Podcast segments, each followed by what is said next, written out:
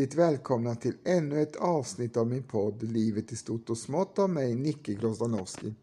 Och detta är avsnitt 230. Det var ett tag sedan vi begav oss till sagornas värld, men nu tänkte jag att det ska ske igen.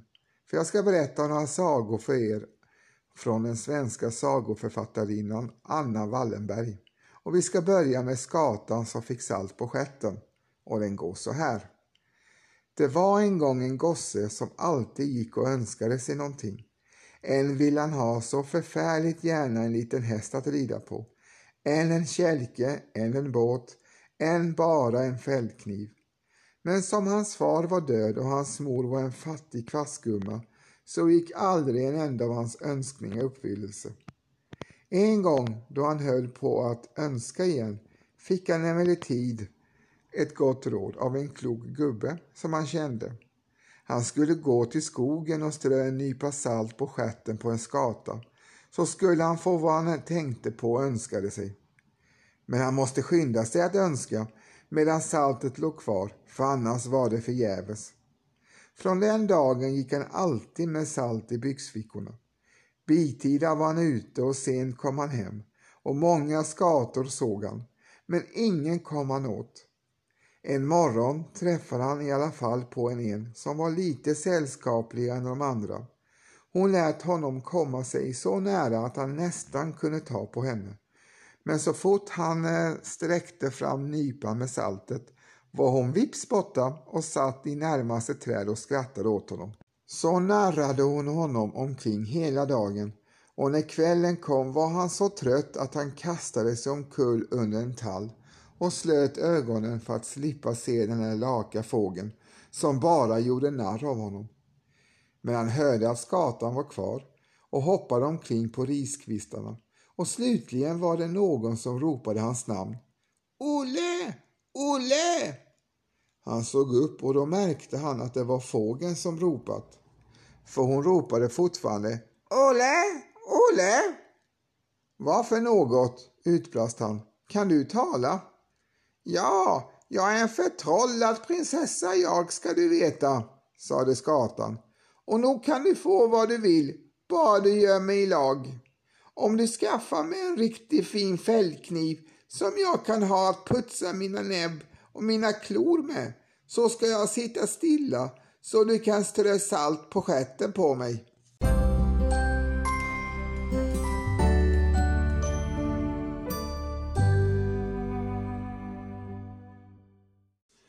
Nå, det tyckte gossen var en bra överenskommelse och nästa morgon gick han ut och plockade bär som han sedan sålde åt herrskaperna i trakten. Och det gjorde han eh, tills han hade förtjänat så många slantar att han kunde gå till staden och köpa sig en riktigt fin kniv. Därpå gick han direkt till skogen för att träffa skatan och fällde upp bladet på kniven så att den skulle blänka ordentligt i ögonen på henne. Hon kom genast hoppande och tittade på kniven. Först med det ena ögat och så med det andra. Äsch, sade hon. Inte är det någon kniv för en sån fin prinsessa som jag. Det borde väl åtminstone ha varit guldskaft på den. Och så hoppade hon upp i trädet igen. Men Olle blev så ledsen att han fick tårar i ögonen. Jag ska väl försöka skaffa dig en med guldskaft då, sade han gråtande. Nej tack, nu bryr jag mig inte om någon kniv mera, svarade skatan. Du kan ge mig en vacker kälke istället. Det skulle verkligen roa mig att åka lite kälkbacke i vinter. Det kunde inte hjälpas. Olle måste skaffa henne en kälke. Han tog sig för för att göra brödbräden och skedar av trä och snidade ut dem så nätt med sin nya kniv att det var en glädje åt det. Sedan sålde han dem i staden men åt sig själv gav han sig inte tid att skära en liten båt en gång. Efter ett halvår hade han också förtjänat så mycket pengar att han kunde köpa en präktig kälke med duktiga isjärn på. Och så gick han till skatan i skogen igen.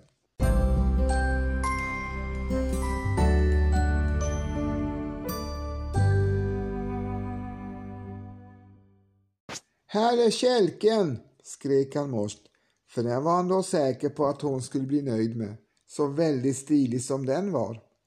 Skatan flög ner från sitt träd, började hacka på järnen och trampa på dynan. Så slog den till med ett flatskratt. Tycker du att det där är don för en gentil person som jag? sade hon och satte sig att gunga på en gren. Nej, siden och silver skulle det ha varit.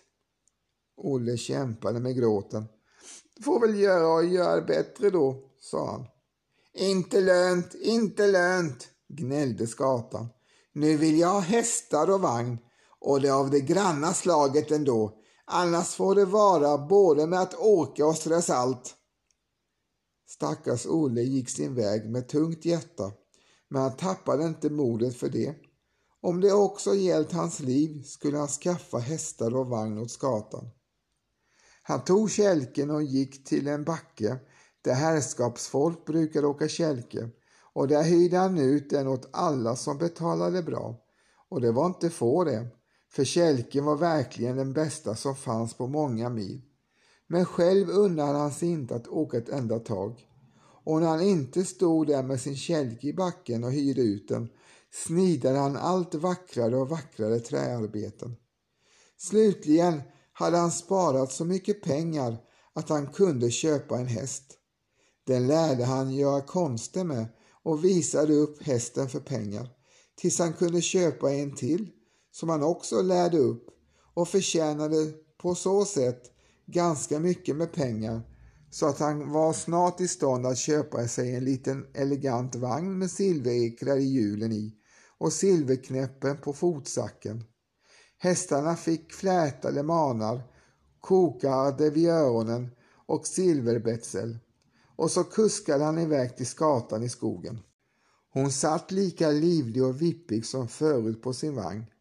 Det där kan vara något, sade hon när hon fick se allt silvret som blänkte. Men när hon hade flugit ner och kikat på vagnen både ovan och under och bitit hästarna i ryggen för att känna om det var ett ungt kött så slog hon ett knyck på nacken. Jag tycker inte om öppna vagnar, sade hon. Jag vill åka i täckvagn och hästarna skulle inte ha varit bruna utan vita. Åh, ja, ja, suckade Olle. Han måste slå sig ner på en sten för att lugna sig. Pretentiösare fruntimmer än den där skatan kunde man inte gärna råka ut för. Men så var hon ju också en prinsessa. Ja, nu ser jag då att du inte förstår det varken på hästar eller vagnar, så det är inte värt att du kommer hit med några sådana mera, sade skatan. Nu får du lov att ge mig ett slott om du vill att jag ska hjälpa dig och den ska ligga på backen nere vid sjön. Men det får inte ha mindre än hundra rum och park och trädgård ska det vara också. Ah, då suckade Olle ännu djupare. Det var mycket att skaffa det där.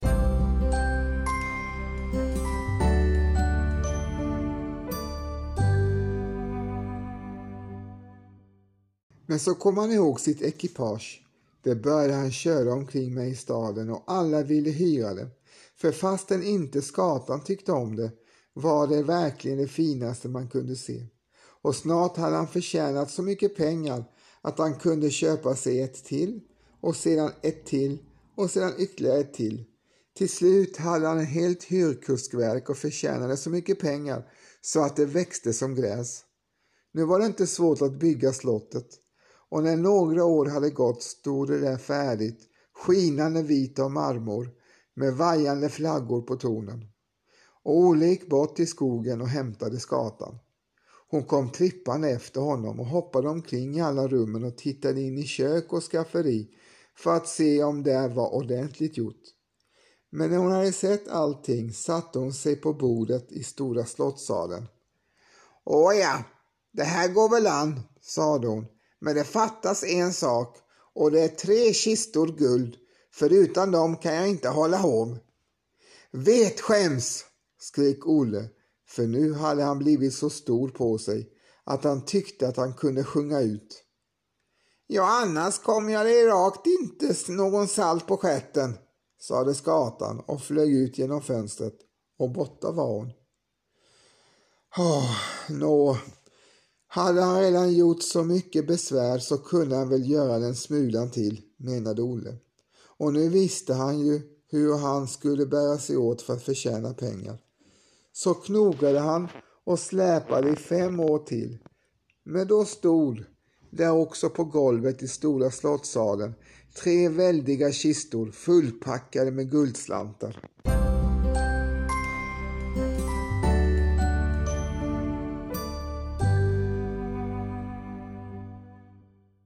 För andra gången gick han till skogen och hämtade skatan och så fort hon kom in i slottssalen satte hon sig på kanten av den mittersta kistan och stirrade ner på guldslantarna.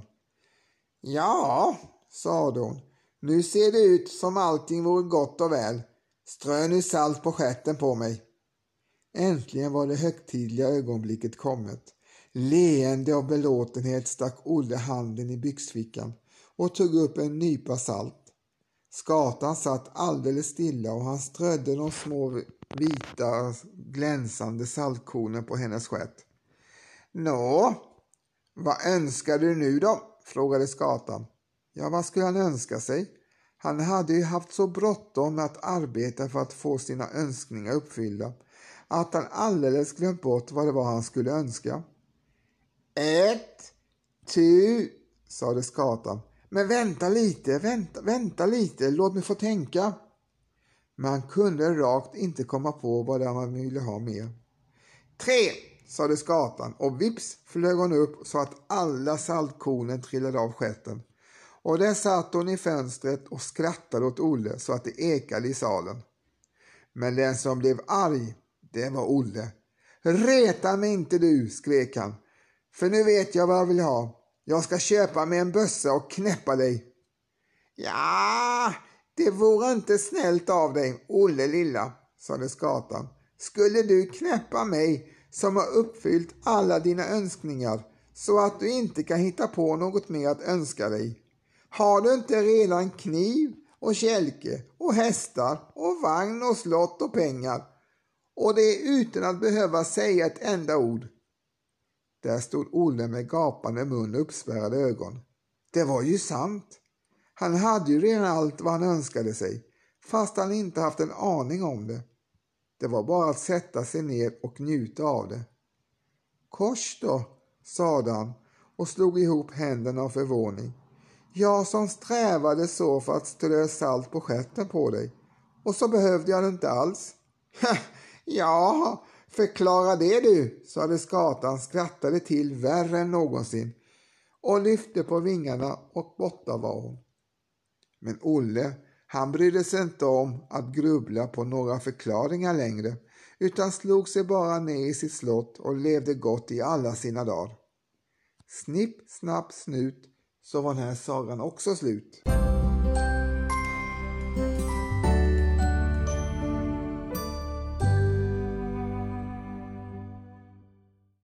Nästa saga jag ska berätta för er heter Guldbockarna. är också skriven av Anna Wallenberg och den går så här. På den tiden då det ännu var gott om vackra och vänliga feer var en av dem ute och åkte tidigt en söndag morgon. Hennes vagn var en skimrande pärlemorsnäcka på hjul av rubiner och istället för att dragas av hästar var den förspänd med sex präktiga guldbockar som hon själv körde. Bäst det var slet emellertid tre av de främsta bockarna lösa och satte av utåt ett åkerfält där tre raska drängar, Jeppe, Masse och Ture, gick och plöjde åt sin husbonde. Alla tre stöttade sig ner mot bockarna, lyckades verkligen gripa varsin och höll dem stadigt fast tills Sven hunnit efter och stannat sin vagn framför dem. Drängarna bugade sig till jorden för den strålande uppenbarelsen, som de såg inte var en vanlig kvinna, och frågade om de skulle hjälpa henne att spänna för bockarna igen. Men Fen smålog med en nekande åtbörd. Nej, mina vänner, sade hon, eftersom ni är så duktiga att ni har kunnat fånga de där tre bångstyriga bockarna så skänker jag dem till er. Men ta väl vara på dem, för de springer lätt bort hem till sina kamrater i stallet hos mig och för att då få igen dem måste ni kunna skilja dem från varandra och andra, vilket inte är så gott, ty alla guldbockar är precis lika varandra. Och innan de hunnit tacka ordentligt hade hon piskat på sina återstående guldbockar och försvunnit in i skogen. Men Jeppe, Masse och Ture stod överlyckliga och synade sina bockar som hade den underbaraste ragg av renaste guld och så fin som den lenaste silke. Hej! Nu är vi alla rika karar, skrek de.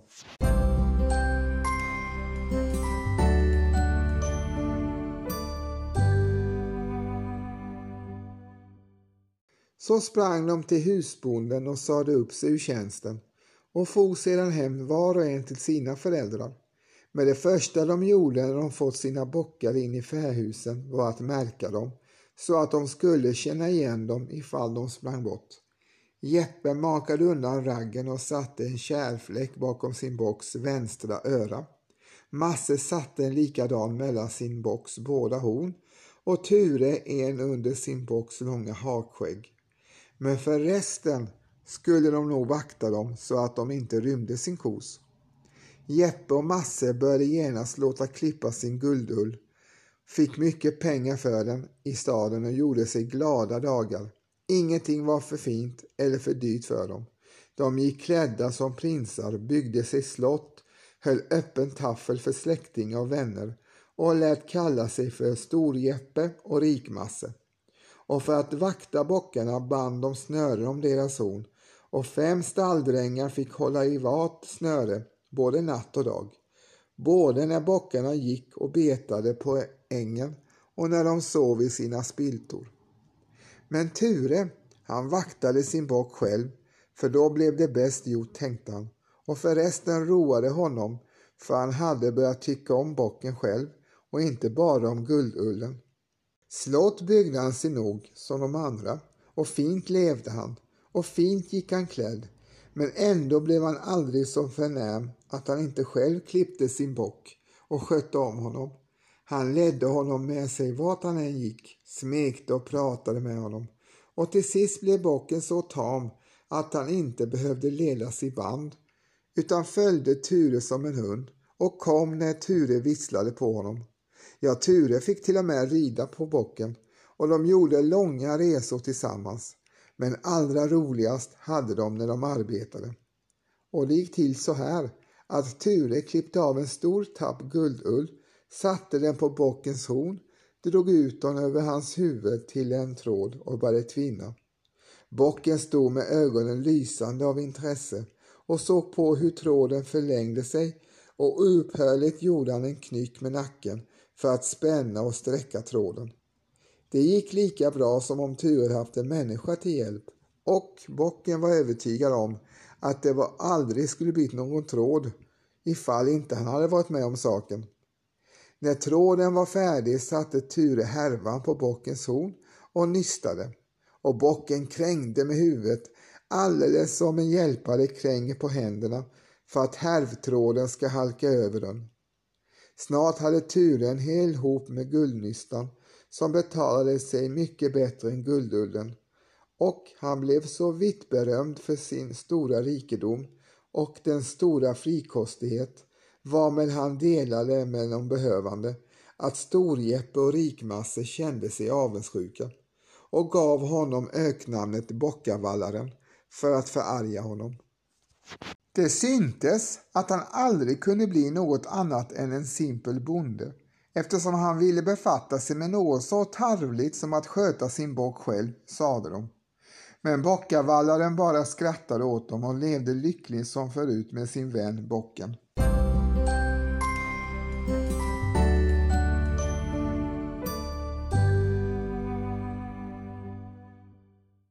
En morgon blev emellertid byn väckt av de fasligaste jämmerskrinen och när folket tittade ut genom fönstren fick de se Storjeppe springa omkring och riva av sig allt hår. Han hade nämligen förlorat sin bock, sin kära präktiga guldbock. Vakterna hade haft dryckesgill i huset där de bodde med guldbocken och rusiga som de var hade de glömt stänga dörren om natten. Bocken hade passat på att slita sig och kila ut och nu var han borta. Det var en förskräcklig olycka för Jeppe Ty som han tänkt sig få hålla på att sälja guldull i hela sitt liv hade han inte sparat något för morgondagen. Men så påminner han sig om att fen hade sagt att om bocken rymde skulle han springa hem till kamraterna i sitt gamla stall. Och Jeppe tog ränsen på ryggen och gav sig ut för att söka upp fen och hennes stall. För kom han bara dit skulle han nog få tag i sin bock, tänkte han. Han hade ju märkt honom bakom vänstra örat.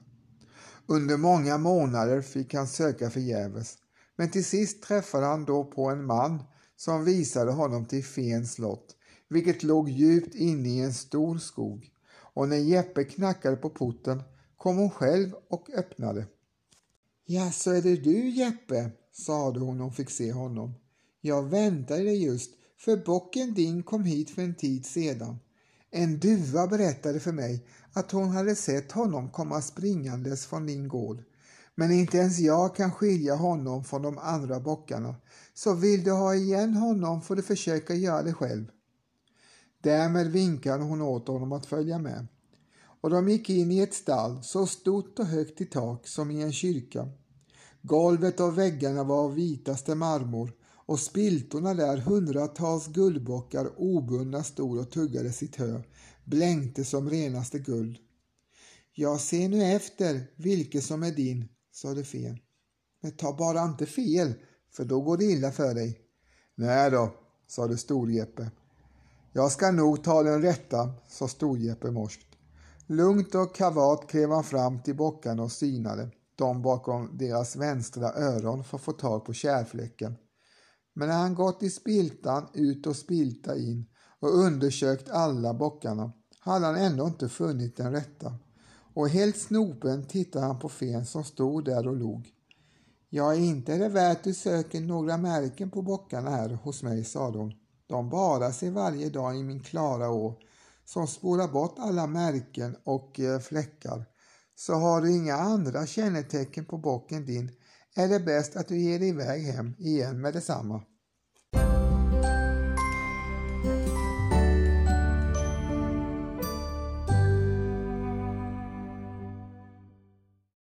På bygatan gick Rikmasse och grät så att tårarna trillade som ätten ifrån kinder.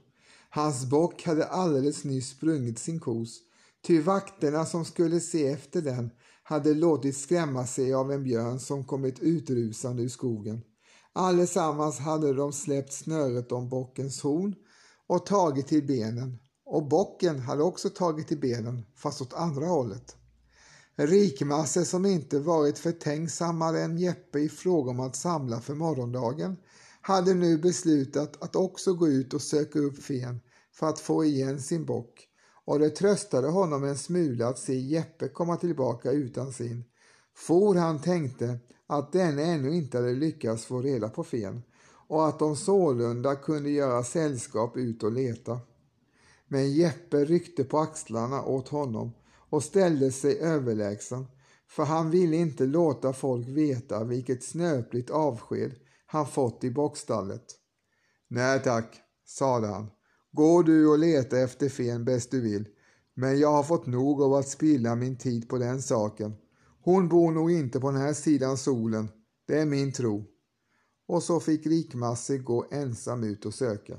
Omsider blev emellertid även han visad fram till Fens slott och Fen tog lika vänligt emot honom som hon tog emot Jeppe och sade att hon visste att hans bock fanns i stallet, ty en skogsvalk hade berättat att han hade sett honom komma springandes från Masses by och kunde Masse bara skilja sin bock från de andra så fick han ta den med sig hem igen.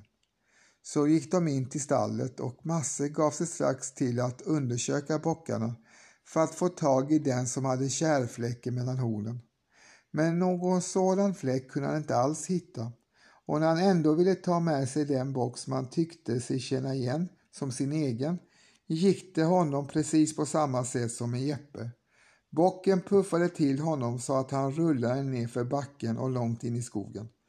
Och när han till sist kom upp på benen igen behövde han ett helt år för att kravla sig hem. Men också han skämdes att tala om hur snöpligt det hade gått för honom och påstod att han hade tröttnat på att söka efter fen. För sin del trodde han att hon bodde på andra sidan månen.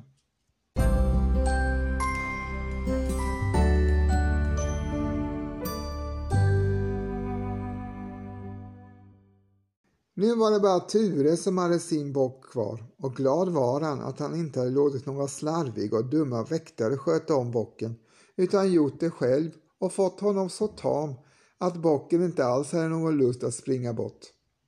Men en natt hände det emellertid att åskan slog ner Tures slott. Det brann upp med alla hans samlade rikedomar och det allra värsta var att han på samma gång förlorade sin kära bock. Den hade blivit skrämd av lågorna och sprungit sin kos långt in i skogen. Ture gjorde dock inte som Jeppe och Masse.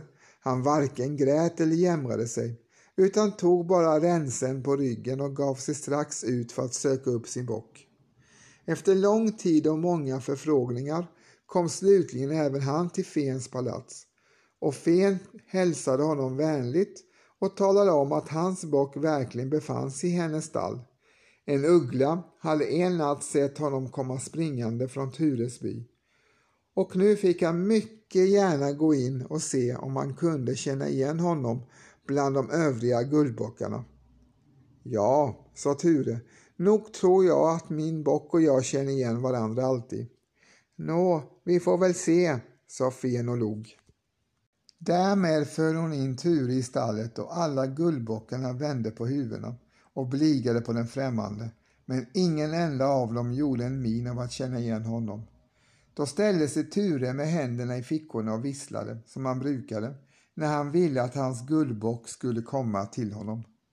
Men alla bockarna bligade som förut och ingen enda rörde sig. Ja, ser du, alla guldbockar har så kort minne, sade Fen.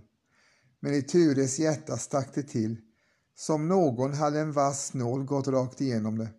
Aldrig hade han trott att hans kära bock kunde ha glömt honom så fort. Emellertid kom han tänka på kärmärket och gick så fram och skådade alla bockarna under hakskägget. Men ingen kärfläck fanns att se och bedrövat stod Ture mitt på golvet och undrade vad han nu skulle ta sig till. Är det ingen som du vill försöka ta dig med dig hem?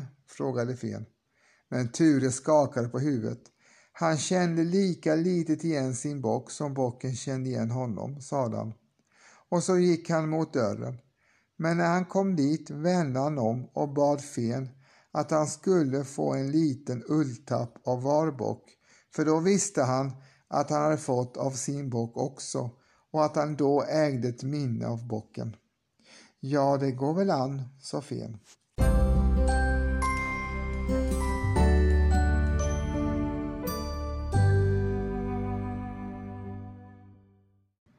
Och så gick fen själv och klippte av en tapp på var sin bock och gav honom. Det blev så mycket att han fick bägge händerna fulla och för att lättare kunna bära det med sig hem lindade han det om pumpstången till en brunn som stod mitt i stallet och började tvinna ullen till tråd. Han tvinnade och tvinnade, men det gick förstås varken fort eller lätt när han inte hade någon hjälpreda. Han snodde med ena handen och drog med den andra och var så upptagen av sitt arbete att han inte märkte att en av bockarna gått ut ur sin spilta och intresserad betraktade honom. Allt närmare och närmare kom den nyfikna bocken och plötsligt stack han bägge hornen i ulltappen på pumpastocken, ryckte lös tappen och började knicka och dra för att få tråden sträckt. Då såg Ture upp och stod ihop händerna av förtjusning. Min gullebock, min gullebock, utbrast han. Men bocken knuffade honom i axeln av otålighet. Allt annat hade han glömt, men det här roliga arbetet, det mindes han. Och han hade kommit för att tvinna guldtråd. Så skulle han minsann också tvinna guldtråd. Med händerna darrade av glädje tog Ture fatt i tråden igen och började tvinna. Och medan han tvinnade gick han baklänges och ut över tröskeln och bocken följde med. Han följde honom över stock och sten nedåt backen och i porten stod den vänliga fen och log och nickade avsked åt dem, för nu kunde hon då se att det var den rätta bocken Ture fått med sig hem. Men när guldullen var tvinnad och uppnystad stoppade Ture nystanet i fickan, kastade sig upp på bockens rygg och red hem till sitt igen. Och det blev en förvåning utan dess like när byfolket fick se honom komma ridande.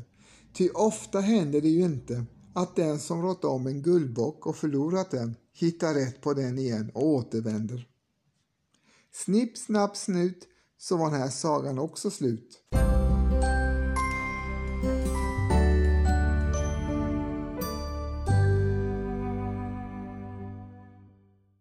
Den tredje och sista sagan jag ska berätta för er i det här avsnittet kommer också från Anna Wallenbergs fantastiska sagoskatt, nämligen Solskensträdet, och den går så här. Det var en gång en god och söt liten gumma som bodde för sig själv i sin lilla stuga uppe i skogsbacken. Hon hade alldeles vitt hår och de vänligaste klara ögonen. Inne i stugan låg granriset så färskt och doftande över det rena golvet. De vita pinnmöblerna hade rödrosiga överdrag och på bordet satt den tama staren som kunde tala och skrek Välkommen, välkommen åt alla som steg in. Men det allra bästa där inne var den vackra solskensdagen som inte försvann om än himlen var aldrig så mulen, ty den kom inte från solen utan från ett stort blommande päronträd som stod utanför fönstret. Det var ett underbart träd. Det blommade och bar frukt på en och samma gång hela året om och det var de skinande vita blommorna och de gula frukterna som skimrade så vackert att det såg ut som om solen lyste in i stugan. Därför kallades också trädet för solskensträdet och alla som hälsade på den lilla gumman och fick sitta och sola sig i den varma dagen och äta av de goda söta frukterna blev strax glada ihåg och glömde bort alla sina sorger och bekymmer. Men den gamla gumman var en sådan god gammal gumma hon ville inte att de skulle komma ihåg sina sorger och bekymmer hemma hos sig heller. Därför gav hon var och en ett skott av trädet. De skulle plantera sina skott i god jord och vårda dem väl, så skulle de nog bli lika präktiga solskensträd som gummans eget. Alla förstod sig likväl inte på att vårda dem. Hos somliga dog de tvätt, hos andra blev de små tynande krukväxter. Hos åter andra sköt de upp till ganska stora träd som gjorde det lite ljusare i stugorna. Men hos ingen blev de så stora och fick såna härliga blommor och frukter som hos den lilla gumman.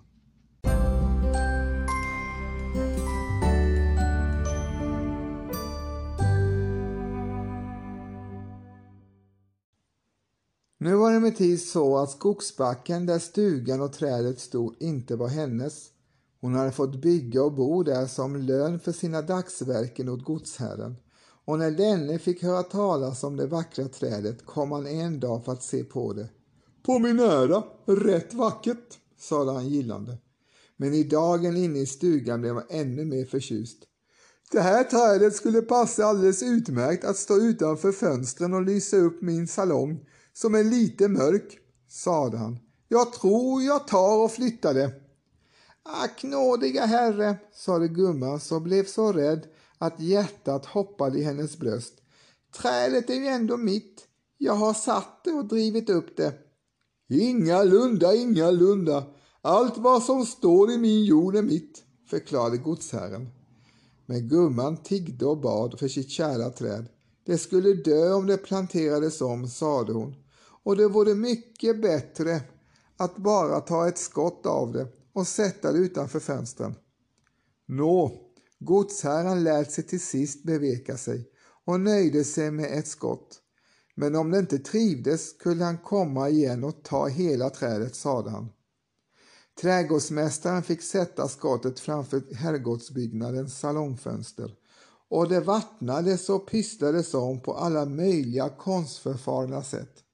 Men bladen vissnade, blommorna föll av och redan efter ett par dagar var det dött. Då tog godsherren med sig en hel hop karar med spadar och en stor arbetsvagn och begav sig bort till skogsbacken. Nu gavs det ingen pardon längre. Nu skulle solskensträdet upp och flyttas bort till herrgården. Där kommer det att passa mycket bättre och trivas så det växer över hustaket, för där är det mycket, mycket bättre jord, sade godsherren och gnuggade händerna av belåtenhet under det att karlarna började gräva. Ty han tänkte på hur avundsjuka hans grannar och vänner skulle bli och det var det allra roligaste i det hela. Men hur den stackars lilla gumman än grät och bad för sitt träd ville han inte alls höra på henne. Det enda hon fick lov till var att ta ett skott av det till minne och så körde han hem trädet. Det ställdes också utanför salongsfönstren och det fick förgyllda kappar till stöd och vattnades med mjölk och blod för att det skulle ta till sig och bli riktigt kraftigt. Andra dagen föll likvisst alla blommorna av, tredje dagen föll alla frukterna och fjärde dagen alla bladen. Där stod nu det härliga trädet alldeles naket, brunt och dött, så att det måste grävas upp igen och kastas på sopbacken. Och den tama staren som kommit för att hälsa på trädet och se hur det mådde flög runt omkring huvudet på godsherren och skrek Vad fick du för det? Vad fick du för det? Vad fick du för det?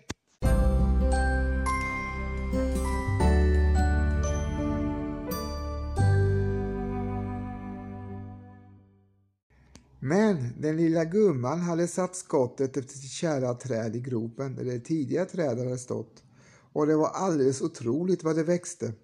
Redan tredje dagen var det lika stort som det gamla trädet och fjärde dagen stod det så skinande grant av klarvita blommor och guldgula frukter att stugan blev full av solsken som förut.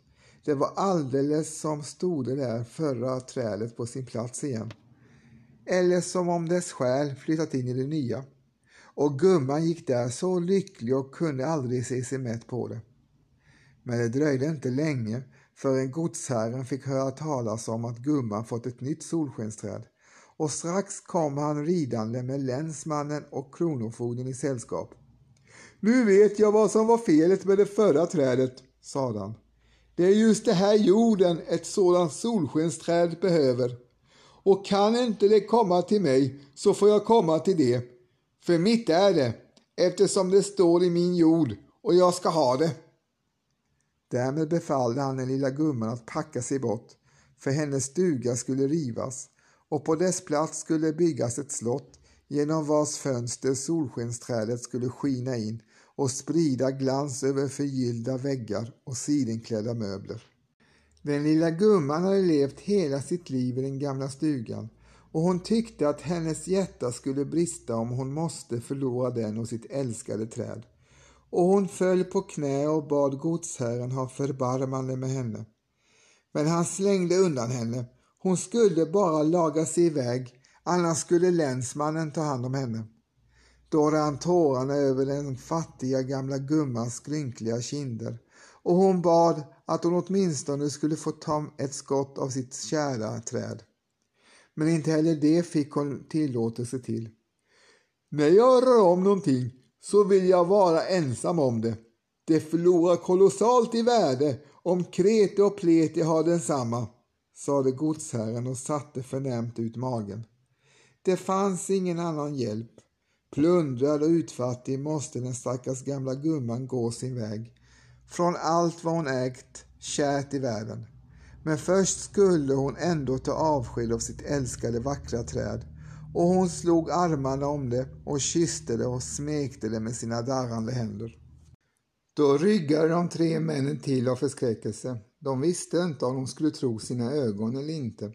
Ty det såg alldeles ut som om trädet böjde ner sina blommande vita grenar över den lilla gumman och smekte henne tillbaka. Och ut genom dörren flög den tama staden och kretsade kring godsherrens huvud. Vänta du bara, Vänta du bara! Vänta du bara! skrek han och flög så till de kringstående granarna och pratade med dem. Och det började susa i deras kronor och de sträckte sig framåt som om de hotade att marschera närmare stugan.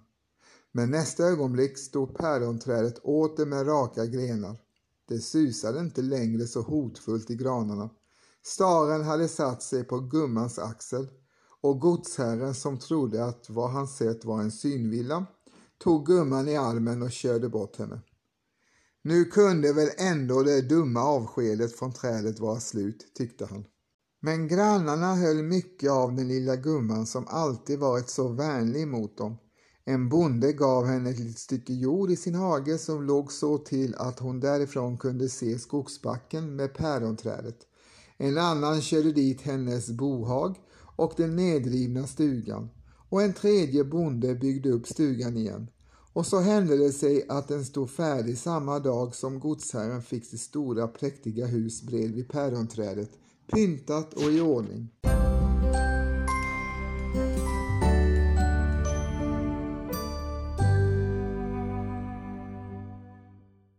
För att fira sin inflyttning hade han emellertid bjudit storfrämmande och sedan en konstlig middag serverats gick man in i salongen för att se på det underbara trädet som kastade en ljus gyllene dager över sidensofforna och den granna mattan. Förtjusande, alldeles förtjusande, sa de fina damerna och slog ihop händerna av förtjusning och förundran. Och godsherren pöste av högfärd och försökte upptäcka om de inte såg avundsjuka ut också. Och tänk, det kan ju röra på sig också, sade en ung flicka och pekade på trädet. Ja, nu såg de det allesammans. Trädet rörde på sig. Det drog ihop sina blommande grenar åt två sidor så att det liknade ett par vita väldiga vingar. Och bäst det var började slå med dem. Vid andra slaget höjde sig dess rötter i jorden och vid det tredje slaget lyfte det sig helt och hållet från marken och flög som en härlig stor vit fågel bort över ängar och gärden tills det kom till hagen där den lilla gummans stuga låg. Då sänkte det sig framför fönstret, trädde ner sina rötter i marken och stod där så fast och säkert som om det alltid hade stått där, där det stod. Och den lilla gumman kom ut och kysste dess blommor och smekte dess stam och grät av glädje över att få tillbaka sitt älskade träd igen. Men borta i godsherrens präktiga hus stod alla människor som förstenade av fasa och stirrade efter trädet tills det plötsligt skymde och blev svart för deras ögon. Det var granarna som trängde sig fram och omringade byggningen från alla sidor så att det blev alldeles kolmörkt där inne. Gud nåde oss! skrek alla gästerna och flydde i vild panik från det hemska huset. Och godsherren följde efter dem. Men medan han sprang över ängen kom en fågel och kretsade kring hans huvud. Det var den tama staren. Vad falskt! Vad fick du för besväret? Vad falskt! Vad fick du för besväret? ropade den. Och han blev inte av med den näsvisa fågeln förrän han kommit in i herrgårdsbyggningen och slagit igen dörren. Men från den dagen försökte godsherren aldrig mer att ta det underbara trädet ifrån den lilla gumman. Han förstod nu att inte allt var hans bara därför att det varit i hans jord. Snipp, snapp, snut så var den här sagan också slut.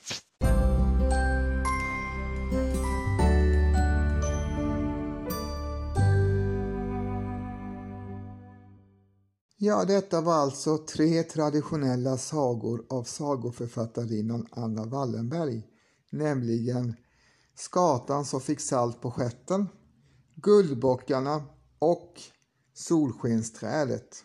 Tre fantastiska underbara sagor som innehåller det som en saga ska innehålla, nämligen kampen mellan det onda och det goda, mellan rik och fattig, och att godhet och flithet lönar sig i längden medan eh, girighet och eh, maktfullkomlighet och snålhet aldrig gör det.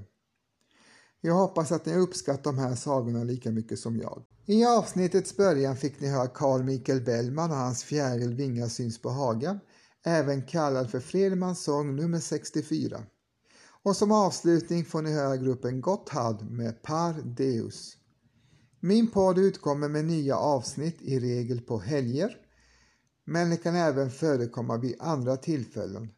Så håll utkik om det inte blir missa när nya avsnitt släpps. Enklast är att prenumerera på podden så får du automatisk avisering när nya avsnitt släpps.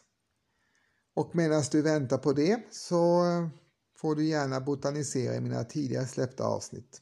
Det har blivit en hel del genom åren, för detta är nämligen avsnitt 230. Och slutligen vill jag tacka dig som har lyssnat på avsnittet och eh, hälsa dig hjärtligt välkommen tillbaka till kommande släppta avsnitt. Och vill du stödja podden med en valfritt belopp så går det bra att swisha till 073 358 61 43 så bidrar du till poddens utveckling. Och vill du inte swisha och vill lyssna ändå så blir jag lika glad för det. Tack så jättemycket för att ni lyssnade. På återhörande. Hej då!